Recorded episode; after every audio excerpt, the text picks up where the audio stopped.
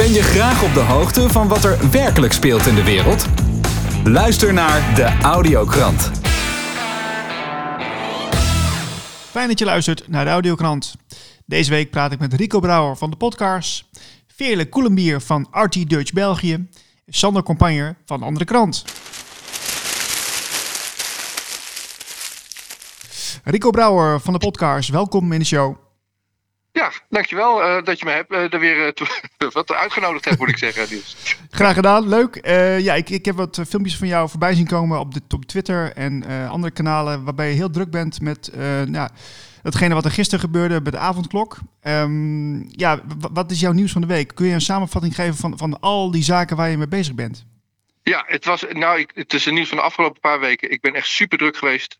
En het hoogtepunt was wel qua qua Nederland gewoon, is, is wat er gisteren gebeurde in Den Haag. Dus dat wil ik uitgebreid aan je vertellen, want ik was erbij. Uh, ook gewoon in, in, in het rechtsgebouw bij dat spoedappel ja. uh, tegen, de, uh, tegen de staat. Maar wat ik ook gedaan heb afgelopen week, en daar wil ik ook graag op jouw uitzending iets over vertellen. Ik ben in Groningen geweest bij de mensen van Ons Land, Ons Lu. Die, ja, dat gaat dan over de aardbevingsschade. Daar was ook een debat voor in de Tweede Kamer. Oké. Okay. En de, vorige week. En dat ging dan over de noodwet het spannende wat ik daar geleerd heb, en ik heb daar twee dagen een reportage geschoten. En mensen kunnen dat zien, podcast.nl slash Groningen. En ik heb daar geleerd dat het KNMI selectief meet aan aardbevingen. Ik heb er geleerd dat ze niet meten of niet adequaat meten in de regio Delfzijl en Eemshaven. Dat is waar Nederland een kerncentrale wil bouwen en waar een grote petrochemische industrie staat. Oh. Ik, heb dat geleerd, ik heb dat geleerd van mensen die zelf een aardbevingsmeter zijn gaan ophangen omdat ze de cijfers niet krijgen van het KNMI. Ik heb dat geleerd van een dame die daar woont. En die zegt: Wacht even, in oktober was er gewoon onder mijn huis in de buurt van Eemshaven een aardbeving. KNMI, hebben jullie hem ook gemeten? Ze krijgt gewoon geen antwoord. Dus dat is wel een interessant Jeetje. verhaal gewoon. Wat is dit nou weer? Ja, wat is dit nou weer? Dat je denkt, hebben we met die toeslagenaffaire niet het ergste gehad? Nee, er is een grotere, dat heet het aardbevingenschandaal in Groningen. Dus daar was ik uh, twee weken geleden. Okay. Wat ik ook heb gedaan, en, dat ik, en, dan komen we, en daarna komen we op dat spoedappel, want dat is wel het grootste ding van deze week. Ik heb sinds het begon, ben ik betrokken, heb ik mezelf er tegenaan bemoeid, laat ik het zo maar zeggen, Mhm. tegen de buitenparlementaire onderzoekscommissie. Er zijn een paar burgers in Nederland die zeggen: Hé hey Mark Rutte, wat jij doet met je beleid eh, rond corona, dat is misschien wel meer schadelijk dan, dat er wat, dan wat we er wat aan hebben. Ze hebben gevraagd aan de Tweede Kamer: jongens, onderzoek dat eens. Doe eens een parlementair onderzoek. Jullie hebben dat instrument, doe het. De Tweede Kamer zegt: we doen het niet. Toen zeiden ze: oké, dan doen we het zelf. Dat heeft geleid tot een tussenrapportage. Die tussenrapportage is nu af. Ze hebben meer dan 100 mensen geïnterviewd. Ze hebben dat samengevat in een, in een conclusie, een voorlopige conclusie van 25 pagina's of zo, in een boek van 250 pagina's. Zo. Dat ligt nu bij de drukker. Mensen kunnen dat nu bestellen en daar zelf kennis van nemen. Ik heb het gelezen dit weekend en het is, ik wil zeggen, het is vuurwerk en dan denk ik het aan de vuurwerkramp. Het is wel, dit is de, de het is zonder precedent dat burgers het werk van de Tweede Kamer doen en dat het zo'n hoogwaardige kwaliteit is. Ja, maar mag ik even op, mag ik er even op inhaken, Ja, dat, is, dat vind ik wel een mooi bewijs. Hè, van dat, eh, want ik heb, ik heb ook een podcast die gaat over de nieuwe tijd. Dit is dus de, de, de, de kracht die wij allemaal hebben. Hè. Als we samenwerken, als we als mensen samen opstaan en met informatie komen, dan kunnen we dit dus ook zelf. Hè? Zo is het. En goed, jongen, het is goed. En ik, ik las dus voor het eerst die conclusie die ze geschreven hebben. Want ik ben, ik ben de perswoordvoerder. Ik, ben, ik zit niet in die commissie, maar ik, ik, ik, ja, ik voer het woord namens. En ik las afgelopen weekend de, de, de, de proefversie van dat boek. En ik denk, jezus, wat goed man. Dit is, dit is wat er afgelopen jaar in Nederland is gebeurd. In Jippie Janneke taal. Heel begrijpelijk. En het is een massive aanklacht tegen de beleidskeuzes en de fouten die Mark Rutte daarin heeft gemaakt. Onderbouwd door specialisten, door burgers, door ouders, door kinderen medisch personeel, handhavers, juristen, moleculair biologen. Mhm, Zo, ja. Je, moet, je wil het lezen. Nou, in ieder geval, mensen, ga naar bpoc2020.nl. Daar kan je dat boek eh, vooraf al bestellen. Je kan hem nu bestellen. Want ja, het is, het is allemaal in privéhanden gedrukt. Het is geen winst, winstmodel, dus het boek is ook zo op. Als we dat... Volgende week gaan we dat aanbieden en dat ga jij zien op televisie. Dat kan ik je wel vertellen. Leuk, ja. Voor mij is via, loopt het via de uitgever De Blauwe Tijger, hè, officieel. De Blauwe, de Blauwe Tijger maakt er een papieren boek van. Ja, die doet het fysieke drukken. Daar gaan we ook als eerste eh, het boek in ontvangst nemen. Daarna gaan we een rondje rijden. En we komen ook langs Den Haag. Nou, meer zeg ik er nu niet van, maar je gaat het zien op televisie. Oké, leuk. Interessant. Superleuk. Wat, oh, en dan het bruggetje. Gisteren was ik bij het gerechtsgebouw in Den Haag. Eh, en voor het gerechtsgebouw in Den Haag interviewde ik Pedro Kuit. Pieter Kuit, dat is de officiële naam. De voorzitter van de Buitenparlementaire Onderzoekscommissie. Hij, was daar, hij gaat normaal niet naar demonstraties of, of rechtszaken en dat soort. Maar uh, Willem Engel wordt ook getuige. Hij gaat getuigen voor de commissie uh, begin maart. Dus ik heb ze met z'n tweeën geïnterviewd daar. Mm -hmm. En ik sprak Willem Engel natuurlijk ook.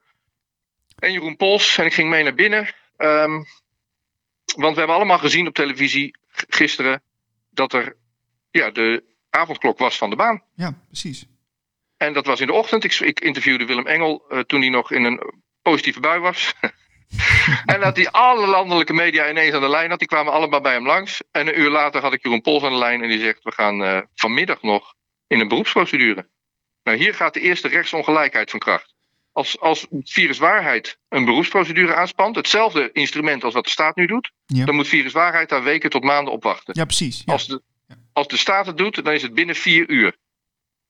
Dan heb je dus als viruswaarheid, als partij, vier uur de tijd om je voor te bereiden op iets waarvan je niet weet wat er gaat gebeuren. Nou, om die reden mag zo'n zaak dus ook nooit een inhoudelijke verandering hebben. Je, gaat alleen over de vorm en uh, moet die avondklok nou wel of niet van tafel, heeft de vorige rechter dat goed gewogen. Dat is het enige wat aan de orde mag zijn. En wat gebeurt er in die rechtszaal? Jaap van Dissel komt naar binnen. Dat is de voorzitter van, de, van het Outbreak Management Team. Die gaat inhoudelijke dingen zitten vertellen. Dus hier is het tweede rechtsongelijkheidsding. De staat mag Jaap van Dissel opvoeren. En viruswaarheid heeft geen, uh, heeft geen getuigendeskundige. Jeetje. Nou, de voorzitter van het Hof, mevrouw Tande Sonneville. Die kent meneer Van Dissel al sinds 2008, waarin ze samen in het Medisch Terugcollege hebben gewerkt. dus die, dat zijn gewoon collega's van elkaar. Dus Van Dissel komt op als, als getuige in het hof van mevrouw Tande Sonneville. En het zijn gewoon collega's van elkaar. Dat is ook een rechtsongelijkheid. Nou, dat heeft Jeroen Pols allemaal niet benoemd in die rechtszaal. Wat hij wel zei is, mevrouw, ik protesteer dat de NOS hier de uitzending verzorgt. Want onafhankelijke media zijn niet welkom. En daar heeft hij gelijk in. Ik had Jeroen aan de lijn zodra hij wist dat er een uh, spoedappel zou zijn. Ik belde aansluitend met het Hof. Ja. Ik heb tien, tien keer gebeld met het Hof. De telefoon gaat over en ik word weggedrukt. Ik heb ook gemaild met het Hof en ik krijg geen antwoord totdat besloten is dat de NOS de uitzending verzorgt. Dan krijg ik een mailtje terug. Sorry, nou niet eens het woord sorry. Uh, u bent niet welkom, de NOS gaat het doen, bel maar met de NOS. Ik bel nog steeds met die persdienst, ik krijg geen antwoord. Ik zeg, ik wil er graag bij zijn, ik krijg weer geen antwoord. Eenmaal bij de balie loop ik mee met Jeroen en Willem. Ik zeg, nou, ik ben journalist, ik wil graag naar binnen, sta ik ook op je lijst? Nee, staat er niet op, je mag er niet in. Dit ging er allemaal aan vooraf dat Jeroen in die rechtszaal zegt: Mevrouw, ik, ik, er is een ongelijkheid in pers ook. Er is hier geen pers aanwezig, behalve de NOS. Ja. En onafhankelijke journalisten zijn gewoon, worden gewoon geweerd. Ja. Dat punt mocht Jeroen niet maken van de rechter. De rechter zei: Jij bent geen advocaat. Gerber van de Corput, die daarna zit, is advocaat. Die voert het woord, u moet je stilhouden. Maar Nee, dat- dat eh, werkt nog even, Ja. even terug, hè, want jij, de, de, de, bij de voorgaande procedures was je er wel gewoon bij, hè? De, de- kijk, dit is de situatie in Nederland. Normaal gesproken, voor corona, hadden we openbaarheid van eh, rechtszittingen. Iedereen mag erbij zijn. Dus Mhm. een publieke tribune mag je bij zijn. Rechtszittingen zijn in Nederland openbaar. De pers mag daar ook bij zijn en mag daar ook verslag van doen. Nou is het eh, iets gevoeliger als je dat wil filmen of foto's maken. Want ja, er zijn ook privépersonen in zo'n rechtszaal, dus daar moet je wel afspraken over maken. Film je die nou wel of niet? Dan is het corona en stelt de rechtbank beperkingen in. De rechtbank zegt, en nu dus het Hof ook, maar dat is, dat is een andere entiteit. Hè. De rechtbank is de lagere, eh, lagere club. En dan als je dat naar boven escaleert in een beroepsprocedure, kom je bij het Hof. Maar ja, werkt hetzelfde, is gewoon openbare rechtspraak. Mhm. Maar die, ja, die bel je dus als journalist op. En dan zeg je, ik wil er graag bij zijn. Maar dan zeggen ze, wacht even, we hebben coronamaatregelen. Dus we, dat, dat openbare hebben we afgeschaft. Want eh, ja, corona is gevaarlijk. Wat de rechtbank had moeten doen, en wat Grapperhaus moet fixen... en wat de rechtspraak in Nederland moet fixen, maar wat ze niet hebben gedaan, al maanden niet... is zeggen, we schaffen de openbare tribune af omdat we bang zijn voor een virus. Nou, dat, daar is wat voor te zeggen als, als dat een probleem is. Maar dan moet je dat dus vervangen, omdat je transparantie van je rechtspraak moet garanderen Ja, precies. dan moet je dus die zittingen zelf uit gaan zenden. Dat kan niet anders. Doen ze niet. Ze zeggen we schaffen de openbaarheid af. Met mijn woorden hoor, want dat zeggen ze niet. Nee. Maar dat doen ze wel. Ze zeggen schaffen het af en ze zetten er geen camera op. Nou, dan ben ik die, eh, die journalist die zegt: Ik neem mijn camera wel mee, dan wil ik het wel voor je doen. Dat is inderdaad een paar keer gelukt. Met wisselend succes. De rechters beslissen dat kennelijk. Dus kennelijk is de rechter is voorzitter van zijn zaak. En die mag dan beslissen. Nou, de ene rechter zegt: Ik wil wel de stream. De andere zegt: Ik wil niet de livestream. Een derde zegt: eh, Alleen audio. Eh, en de vorige keer was ik in die zaal. Mocht ik niet de expertgetuigen van het RIVM filmen of audio-opname maken. Dat is toch ook gek? Dan heb je de staat. Die neemt expertgetuigen mee van het RIVM. Dat, dat zijn geen burgers, dat zijn mensen in loondienst die de staat adviseren. Mhm. Die mag ik dan niet, daar mag ik geen verslag van doen als journalist. Nou, dat vind ik ook gek. Ja, Dus ik ben er soms wel bij en dan ben ik blij dat ik binnen ben.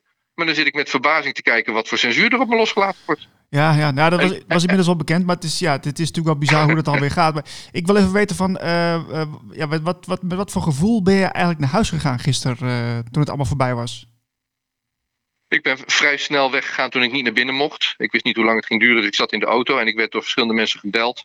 En ik had natuurlijk de radio aan. van- En ik hoorde dat Jeroen echt binnen 10 minuten die zaal uitgedreigd werd. Voor de rechter zei ik, kik je eruit als je je mond niet houdt. Ik dacht, nou, dat escalated, escalated quickly. Ja. Dus eh, op weg naar huis hoorde ik dat. Ik hoorde dat er een wrakingprocedure was. En ik zag om half negen s'avonds dat eh, de avondklok toch gehandhaafd werd. Het gevoel wat ik heb, zal ik je vertellen. Normaal gesproken bel ik de persdienst van de rechtbank. En die nemen altijd de telefoon op. Die zijn altijd vriendelijk. En die staan me gewoon correct te woord. En ze zeggen, ja, wij gaan er niet over, de rechter gaan erover. Dat is een persdienst, daar kan ik wat mee.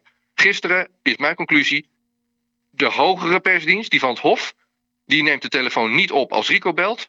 En die belt zelf de NOS om te zeggen, willen jullie de stream doen? En daarna bonjouren ze me weg. En ze leggen daar geen verantwoording over af. Ik zeg, de, de, het Hof in ieder geval, dus de hogere rechtspraak in Nederland. Het- moet ik, ja, ik weet niet of ik kracht- krachtterm. Ik moet, het is gewoon res- respectloos naar de. Ja, maar het is respectloos naar de burgers. En het is dus geen transparante rechtsgang. Nee, nee. Dat heb ik. Ja, en dan escaleert dat vandaag weer verder. Dat ik zie, wat? De voorzitter van die rechtbank. Dat is, die, is gewoon, die is gewoon collega van Van Dissel. Ze werken al 12, 13 jaar samen. Wat gebeurt hier gewoon? Hoe, hoe niet. En ook die uitspraak, hè? Want dit is wat er gebeurde in die rechtszaal. Dat Hof zei: het belang van de staat. En ze gebruikt het woord hè. We kunnen niet, niet de avondklok nu afschaffen en dan, en dan weer toestaan. Dus Ja, dat is een ja. yo-yo-effect. Mhm. Het Hof zegt daarmee dat er een belang is van de staat en dat dat een ander belang is van de samenleving. Ik wil de straat op als, ik dat, als het op mij uitkomt, s'avonds na negen uur. Ja. Voor wat voor reden dan ook, hoef ik geen verantwoording over af te leggen. Dat ben ik. Ik ben de samenleving. Jij, Niels, bent de- dat zijn wij met z'n allen. 18 miljoen mensen in Nederland. Die moeten gewoon de openbare weg kunnen gebruiken. En het Hof oordeelde dat de staat een andere entiteit is dan die 18 miljoen mensen. En, de staat, en het Hof oordeelde in het, in het voordeel van de staat. En zei: wacht even, zij willen een avondklok. Die kunnen ze krijgen. En pas later, als er echt, echt, echt geen argument meer onder ligt, dan schaffen we hem misschien af. Dus het Hof heeft gezegd: de staat heeft, is, is gewoon disconnected, is een verbroken. Ja, het sociaal contract is verbroken met de samenleving. Ja. Hey, vrijdag gaan ze verder. Wat, eh, wat verwacht jij? Ja, ik weet niet. Ik probeer in contact te komen met Willem en met Jeroen. Van jongens, ik, ik heb niet zoveel zin om vrijdag naar Den Haag te komen. Want ja, voor mij heeft, is het wel afgedaan. Ja. Ze hebben kleur. Ik, weet je wat ik doe met mijn journalistiek?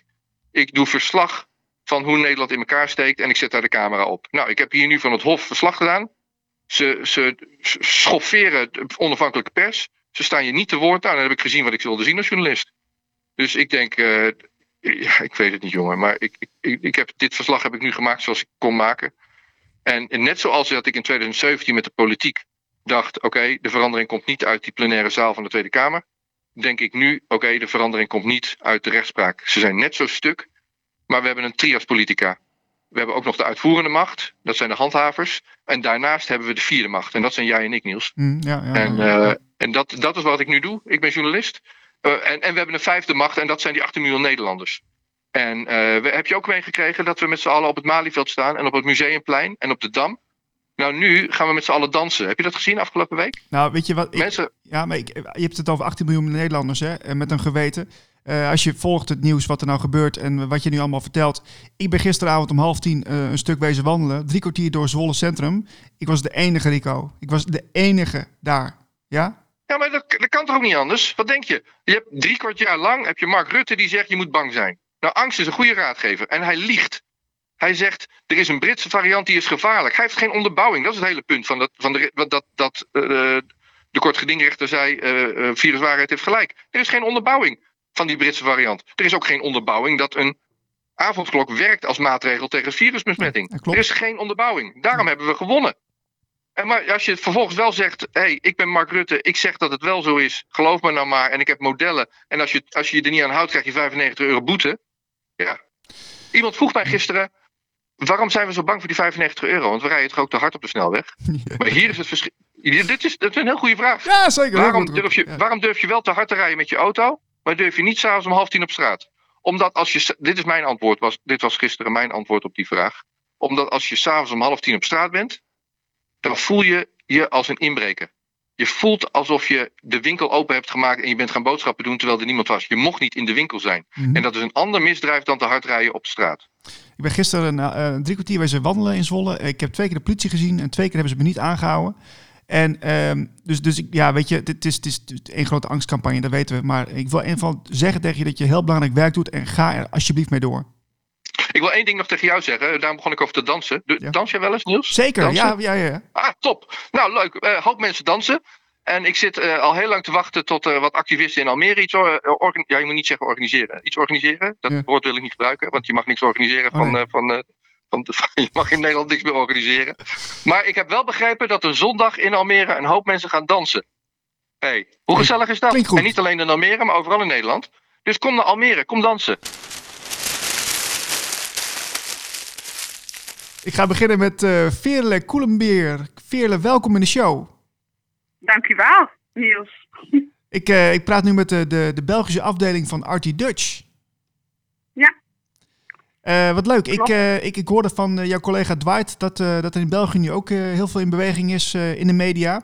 En dat er Mhm. dus een, een afdeling is van Artie Dutch België. En nou, fijn dat we elkaar even spreken. Ja, inderdaad. Heel fijn. Ja, wel, ehm, het is zo, dus eh Artie Dutch is al een tijdje bezig. Ehm, maar in België is er weinig tot geen onafhankelijke pers. En ehm, ik ben eh, in Nederland tijdens een manifestatie in contact gekomen met Artie Dutch en ik dacht van wauw, fantastisch eh, dat dat gebeurt, die onafhankelijke persdiensten in Nederland. En jammer dat dat zo weinig in België is. Nu spreek ik wel vooral voor Vlaanderen, want eh, Wallonië is een ander gedeelte in België waar ze Frans spreken en daar heb ik niet zoveel weet over hun onafhankelijke pers.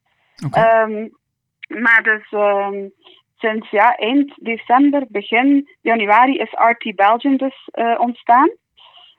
En eh, wat, wat dat wij nu proberen te doen is ehm, in het voorbeeld van RT Dutch, dus de, de nieuwe media, eh, of de, ja, hoe moet het zeggen, de andere kant van de medaille, het andere geluid, Mhm. ehm, de echte media eh, naar voren brengen. Hè.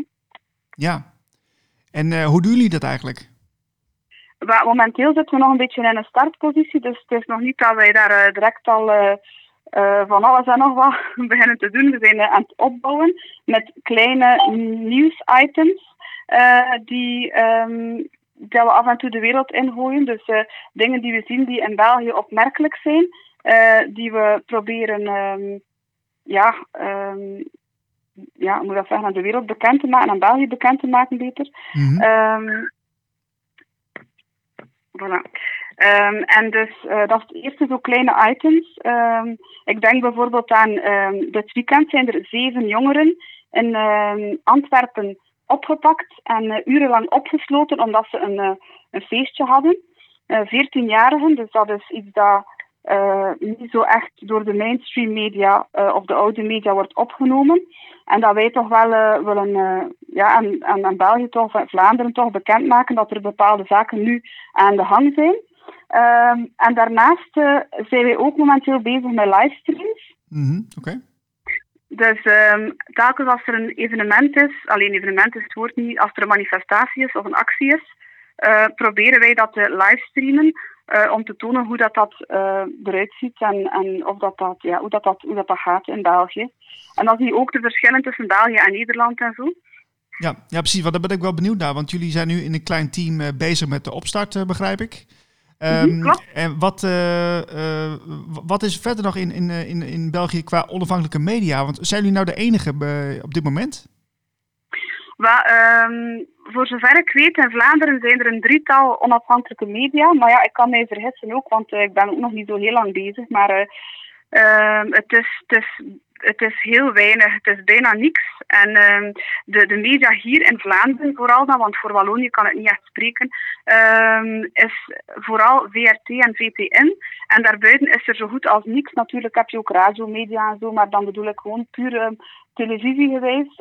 Iedereen kijkt eh, in Vlaanderen naar de televisie. Dat is echt eh, iets dat, dat, ja, dat, dat zogenaamd, moet ik het zeggen, dus iedereen, iedereen gelooft wat de media zegt hier in, in Vlaanderen. Ja. En, en dat, is, dat is hier gewoon, eh, moet ik zeggen, heilig. Of hoe zou je dat zo kunnen zeggen? Ja. dat is hier echt, eh, ja, dat is hier de zogenaamde de waarheid, is wat dat VTM Nieuws zegt. En alles daarbuiten is, is, eh, is niet de waarheid, ik zal. Ja, dat is wel een uitdaging, Veerle, want je, je gaat eigenlijk een beetje tegenin, hè? En hoe, hoe is dat voor jou dat je daar nu mee begint? Want krijg je daar al veel reacties op? Ja, ik heb eh, sinds ik eh, al een paar, eh, dus dat is nog niet zo lang, een paar weken, maanden, ehm, dus zaken waarneem en bijvoorbeeld livestream, heb ik al ontdekt dat dus wat er in de media wordt gezegd, geschreven en getoond, helemaal niet overeenkomt met de waarheid. Dus ik zie het gewoon met mijn eigen ogen en dat vind ik heel interessant. Ehm, dus ja, je streamt live, je zit op het moment ergens. eh, in België, in Brussel, in Kortrijk, in Gent. Je streamt het, je ziet, oké, alles verloopt hier prima. En dan lees je in de krant, ah, dat er daar, ehm, ik weet niet wat gebeurd is van, van rellen of, of mensen die opgepakt zijn, dingen die totaal niet kloppen met hetgeen dat ik met mijn eigen ogen heb vastgesteld op het moment dat ik gelivestreamd heb. En dan denk ik, allee, en de mensen die, die zien dat, natuurlijk geloven zij die media. En dat is gewoon totaal niet correct. En, en, en dat, dat moet getoond worden gewoon. Ja, ja. Jeetje, dus eh, het, klinkt als een hele missie, want eh, je bent net begonnen. Ehm, Mhm. wat, eh, wat hebben jullie eigenlijk nu nodig? Want je, je begint natuurlijk in een kleine groep, neem ik aan. Wat, wat, wat heb je nodig aan apparatuur? Of heb je, heb je al een locatie? Of wat is de status nu?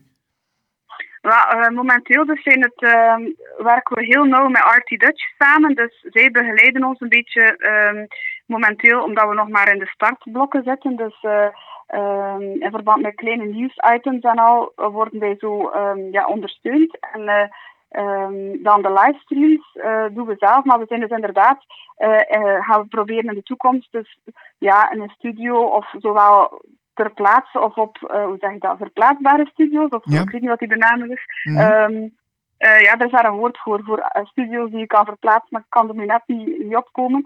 Eh, maar dus we, we gaan daarin uitbreiden. Hè. Dus momenteel zit het echt nog volledig in de startblokken. Hè. Ja, ja. En wat, wat is er nu in België eh, ehm, ja, het, het, het grootste onderwerp? Want we hebben nu, in Nederland hebben we nu dat proces lopen tegen de avondklok. Ja. Mhm. Hoe is dat in België? Ja, goede vraag. In België is er eigenlijk, tenzij ik mij vergis, eh, momenteel niet zo heel veel aan de gang. Ehm, Vlamingen zijn anders qua mentaliteit dan Nederlanders.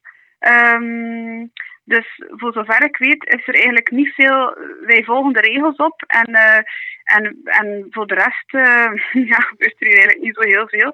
Af en toe zijn er wel al een keer eh, kleine acties of manifestaties met een kleine groep mensen. Dat gebeurt nu wel meer en meer.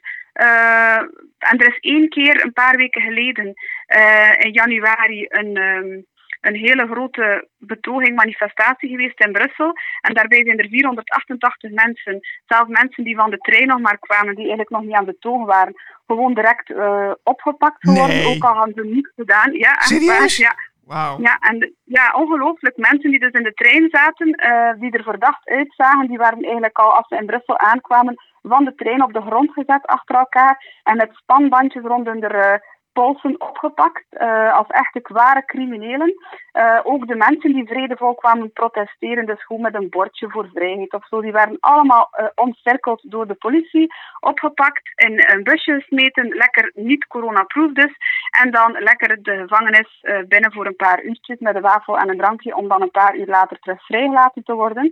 Ehm, dus eh, ja, 488 mensen. Dat was eh, wel het hoogtepunt, want eh, in België wordt er dus, in Vlaanderen beter, heel weinig op straat gekomen. Mensen zijn extreem bang van de politie. De politie treedt ook heel hard op. Zo. Maar het verschil met Nederland, ja, het verschil met Nederland is dat bijvoorbeeld bij Amsterdam laten ze de mensen echt naar het plein komen en dan slaan ze erop los. En in België wordt je gewoon direct de bak ingestoken. Of, dus hierbij wordt er minder agressie getoond, denk ik. Meer gewoon direct de zaal binnen bij ons. Zo. Ja. Nou, dat gaat al eh, heel direct op die manier natuurlijk. Maar eh, dus, eh, ja, wa- wa- wa- waar, ging, waar ging die demonstratie toen over? Hoe zegt u? Die demonstratie die in Brussel, waar, waar ging die over? Tegen de maatregelen. Nee, dus de mensen waren het beu.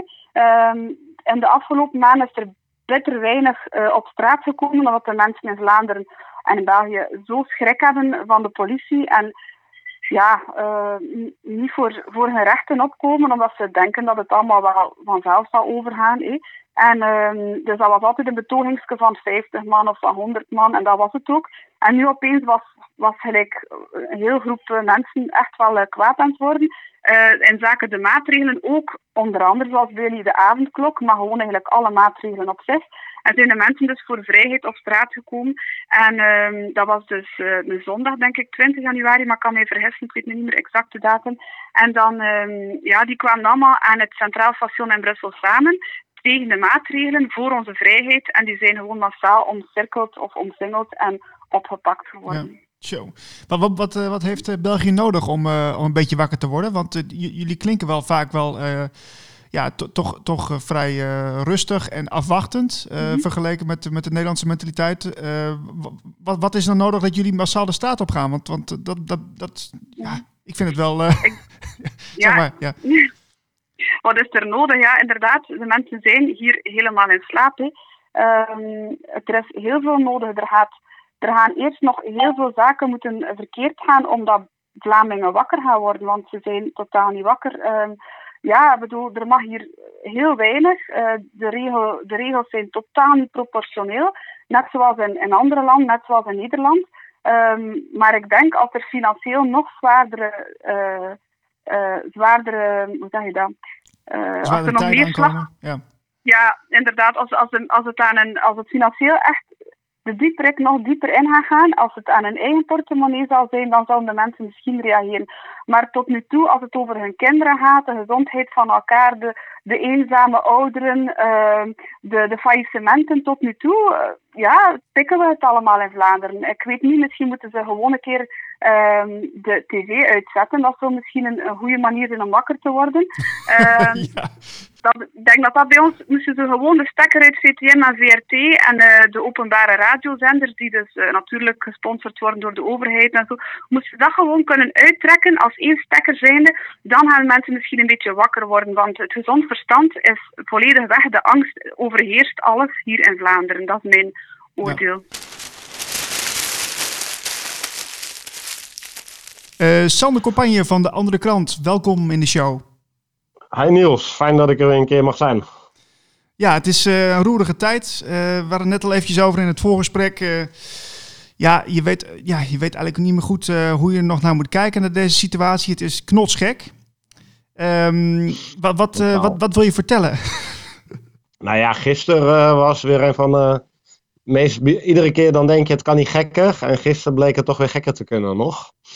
Nee, gisteren met verbazing het hele spektakel aangezien. En van rondom die uh, rechtszaak van die avondklokken. Mm dat, uh, dat was gisteren. En ik ben om negen uur even naar het Museumplein gelopen, want daar zou een happening zijn. En Frank Russing ging daar glühwein uitdelen. En ik denk, nou, ik ga even kijken wat daar, uh, wat daar gebeurt. 25 politische auto's en iets van zes of zeven ME-bussen met allemaal volle bakken met, vol met ME'ers. 25? Dus ja, ja, en het is gewoon, er waren iets van 30 man. Die werden dan van het veld afgeleid door, ja, er was meer politie dan dat er mensen waren. Maar ik denk ook heel veel mensen, ja, ik kwam het veld gewoon niet op. Want overal, het was helemaal afgezet door allerlei politie. En ja, het geeft maar weer aan uh, dat er bepaalde angst is hè, bij de macht. Met zo'n totale overreactie. En ik heb daar met uh, de perskaart van de NVVJ, ben ik daar eens rustig gaan kijken van wat voor operatie is het nu. Hè? Dus ik ben een beetje die bussen gaan tellen. En ik werd bijna gesommeerd om van het veld af te gaan. Maar uiteindelijk, uh, met mijn perskaart mocht ik blijven. Want zo'n politieagent zei, ja, maar er is niks te zien. Dus ik zei, nou ja, Oké. Okay. onze rol als pers om dat toch te controleren. Hè? Om even te controleren of dat dan echt zo is. Nee, nee, je kan doorlopen, er is helemaal niks meer. Ik zei, ja, ja, ik geloof je, maar ik ga het toch zelf even controleren. Ja. Nou, toen had hij nog het dreigement, als je er over een uur nog bent, dan ga ik je alsnog een boete geven. Dus ja, een hele, hele overspannen reactie van de politie. En uh, ik denk ook die agenten, hè, die moeten toch ook een keer overwerkt raken. Ja, zou je denken, maar het is ook, uh, die, hebben die ook gewoon een beetje last van hun geweten op deze manier? Ik bedoel, dit is toch dit is echt wel heel ik erg overdreven. Oh ja, oké. Okay. Nou, ik vroeg aan een zo'n agent van ehm, hoe billig vind je dit zelf nog en sta je hier nog achter? Maar ja, het zijn toch ordevolgers. Hè? Dat is natuurlijk ehm, ook de soort baan die ze hebben. Ja. Maar ik had bij sommigen het idee, die, vonden, die laten, zaten een beetje grappen te maken. En misschien dat zij ook al blij zijn van, hé, hey, er is niks. Hè? We hoeven niet in actie te komen. We hoeven niet uh, met een getrokken wapenstok tegenover vredelievende burgers te gaan staan. Maar ik zag ook aardig wat agenten die keken vooral naar de grond en die keken heel ongelukkig. Dus ja, het is heel moeilijk om daar echt idee van te krijgen. Maar kan me toch niet voorstellen dat iemand hiervoor bij de politie gegaan is. Lijkt me ook niet. Heb je, heb je nou persoonlijk een idee dat, het, het nee. dat, dat, dat, uh, dat, um, dat er nu een kentering gaande is na, na gisteren? Ik weet het niet. In ieder geval um, airtime voor uh, viruswaarheid, die het gewoon goed gedaan hebben, vind ik. Ik vond Willem Engel bij op 1 gisteren, ik heb nog zitten kijken, vond ik hem gewoon sterk. En ja, ik kan me lang niet voorstellen dat mensen nog steeds het hele, de hele poppenkast geloven. Dus um, maar ja, voor mijn gevoel helpt dit allemaal. Omdat het zo absurd is. Ik kan met steeds meer mensen die zullen, zal ik toch de ogen openen. Ik sprak gisteren ook een advocaat die de hele dag bij de zitting was. En die zei, ja, wat hij in de rechtszaal had meegemaakt. Hè, die man heeft 40 jaar uh, in de juristerij gewerkt en een eigen groot advocatenkantoor gehad. Mhm. Mm -hmm. En die was flabbergasted. Die ja. zei, wat ik hier heb meegemaakt in die rechtszaal. Op hoeveel manieren uh, de rechtsstaat uh, niet opgevolgd is gedurende de dag. Nou ja, dat zal toch ook mensen in de juridische wereld en andere advocaten moeten gaan opvallen. Ja, lijkt, mij ook inderdaad. Hey, we gaan even naar de andere krant. Um, daar ben je natuurlijk nauw bij betrokken. Uh, wat, uh, wat is daar uh, voor nieuws? Heb, heb, wat, zijn, wat zijn de laatste ontwikkelingen? Nou, we zijn heel druk bezig. We zijn op dit moment de laatste hand aan het leggen aan een editie over het klimaat. Dat is een editie die we al lang in de planning hebben en eerder uitgesteld, omdat we met alle coronanieuws wel door. Ja, dat thema gaat het nu niet doen. Nou ja, we willen ook ons niet te veel laten leiden door de gekte van de dag. En uh, belangrijke onderwerpen gewoon agenderen. Dus we gaan het over het klimaat hebben. 24 pagina's, dikste krant tot nog toe. Heel inhoudelijk, waarin we op heel veel aspecten van het huidige klimaatbeleid, uh, nou ja, de, de, de zin en onzin uh, zullen rapporteren. Van biomassa tot en met um, nou ja, alle windmolens die uh, geplaatst moeten gaan worden en waar heel veel verzet tegen is. CO2. En hoe nodig het nu allemaal is. Ja, precies. Ja, ja. Oké, okay. maar dat, en, dat is wel een, een, een, een, goed thema. Maar het is ook een thema waar je wel veel kritiek op kunt krijgen, denk ik. Nou ja, ik heb zelf in uh, deze uitgave een interview met Marijn Poels. Marijn Poels is een documentairemaker die echt vanuit de linkse kerk komt. Hè. Die maakte vroeger documentaires over sociale misstanden in Afrika, vluchtelingenproblematiek, uh, armoede. En toen in 2014 dacht hij, ja, ik moet toch eens weer iets wat anders gaan doen, hè? wat meer controversieels misschien. En die dacht, ik ga eens een documentaire over het klimaat maken. Op dat moment uh, geloofde hij, uh, nou ja, de mantra's van uh, de opwarming komt door de mens. En 97% van de wetenschappers die steunt dat. Ja. En hij is met een hele open blik hij is met een hele open blik is hij dat dossier ingedoken. En hij ontdekt van, hé, hey, dit ligt toch heel anders. Nou ja, ik heb een interview met hem opgenomen, omdat vooral wat hem daarna gebeurd is. Hij is om met, onder politiebegeleiding de bioscoop uitgeleid moeten worden. In Duitsland, waar die film ook uh, in veel filmhuizen vertoond is. Uh, was een hele campagne van die linken en die groenen tegen hem. En hij is gewoon zijn hele sociale netwerk kwijtgeraakt. Gewoon puur omdat hij uh, vragen durft te stellen bij die klimaatreligie. Dus ja, ik verwacht dat wij ook wel wat reacties gaan krijgen. Ik ben benieuwd, ja. We kunnen het er niet voor laten. En ik hoop, uh, ja, mensen snappen onze, onze intentie ondertussen. Maar um, we zullen hier vast wel wat, uh, wat weerwoord op krijgen. Maar ja. dat is alleen maar goed. Laten we die discussie aanzwengelen. Ja, precies. Maar is dat die, uh, die meneer die ook, die, is dat die documentaire Dogma of zo? Dogma nog wat? Paradogma. Ja, ja Paradogma. Ja, precies. Ja, dus ja, zijn die... eerste documentaire was Precies. Ja, die eerste documentaire, ik vond hem zelf heel mooi. Voor iedereen absoluut te aanraden. The Uncertainty Has Settled. Met uh, ondertitels te zien op YouTube. En omdat hij daarna dus in één keer ontdekte wat er gebeurt als je nou ja, durft te vloeken in de klimaatkerk. Hè, als je dat, die religie ter discussie durft te stellen. Heeft hij daarna een documentaire gemaakt over paradogma. Wat gebeurt er als je dit dogma uh, durft te bevragen? En wat hem gebeurd is, is dat hij echt gewoon zijn hele sociale netwerk hij kende allerlei mensen bij de NPO, bij uh, allerlei NGO's. Nou ja, niemand wil hem meer spreken. Wow. Puur en alleen omdat hij gewoon integer een aantal vragen heeft gesteld. Oei, oei, oei. En de derde documentaire was ook nog even leuk van Marijn Poels. Dat is Return to Eden. En daarin draagt hij oplossingsrichtingen aan. Dus uiteindelijk is het een drieluik geworden. En uh, nou ja, voor alle luisteraars absoluut aanrader. En in de krant zullen we dus ook een interview met uh, deze filmmaker opnemen. En nou, voor meer informatie. Ja, nou die Return to Eden die moet ik even hebben, want uh, dat is voor mijn eigen project Nieuwe Tijd wel goed. Omdat ik zelf wel met andere, andere ja, collega's zeker, bezig, En bezig ik ga. ook... Um, ik zal nog na de uitzending je even zorgen dat hij een keer in je podcast komt. Dat vindt hij zeker leuk om te doen namelijk. Ah, top. En het is een heel interessant figuur. Leuk. Gaan we doen. Ja, super. Um, dus uh, klimaat, uh, uh, er zit het hele riedeltje in, CO2, biomassa en dat soort zaken. en die is, die is, binnenkort komt die uit, hè, zei je? Ja, ja we, we zijn heel druk bezig, maar we hopen dat die maandag naar de drukker kan. Maar het is even nog kijken of alle deadlines gehaald worden. En meteen daarna, dus we gaan heel kort achter elkaar twee kranten geven, komt de andere krant Macht. De andere kant Macht um, willen we op 10 uh, de maart uitgeven, een week voor de verkiezingen. Ja, het gaat impliciet natuurlijk wel over de verkiezingen. Maar we gaan veel meer de vraag stellen, uh, waar ligt de echte macht? Wie zijn de echte machthebbers? Wat is de echte machtsagenda? En hoe, in hoeverre werkt onze democratie nog? Hè? Is het systeem nog houdbaar? Ja, ja, ja. Dus in plaats van dat we ons op de waan van de verkiezingen gaan richten, gaan we een niveau dieper. Dus um, ja, komende drie weken komen er twee kranten uit uh, van de andere krant. Wauw, wat goed zeg. En uh, de, die zijn allemaal gratis te bestellen bij de anderekrant.nl? Nou ja, voor, bij, voor bestellingen vragen we altijd een uh, bijdrage van een euro per krant. Um, mensen kunnen abonnee worden. Hè? Dus als je nu abonnee wordt, dan krijg je beide kranten in de bus.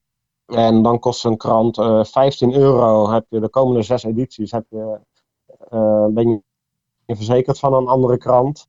Maar er zullen ook op heel veel plekken zal de kranten gratis verspreid worden. Dus hou onze website en onze socials in de gaten, zou ik zeggen, de komende weken.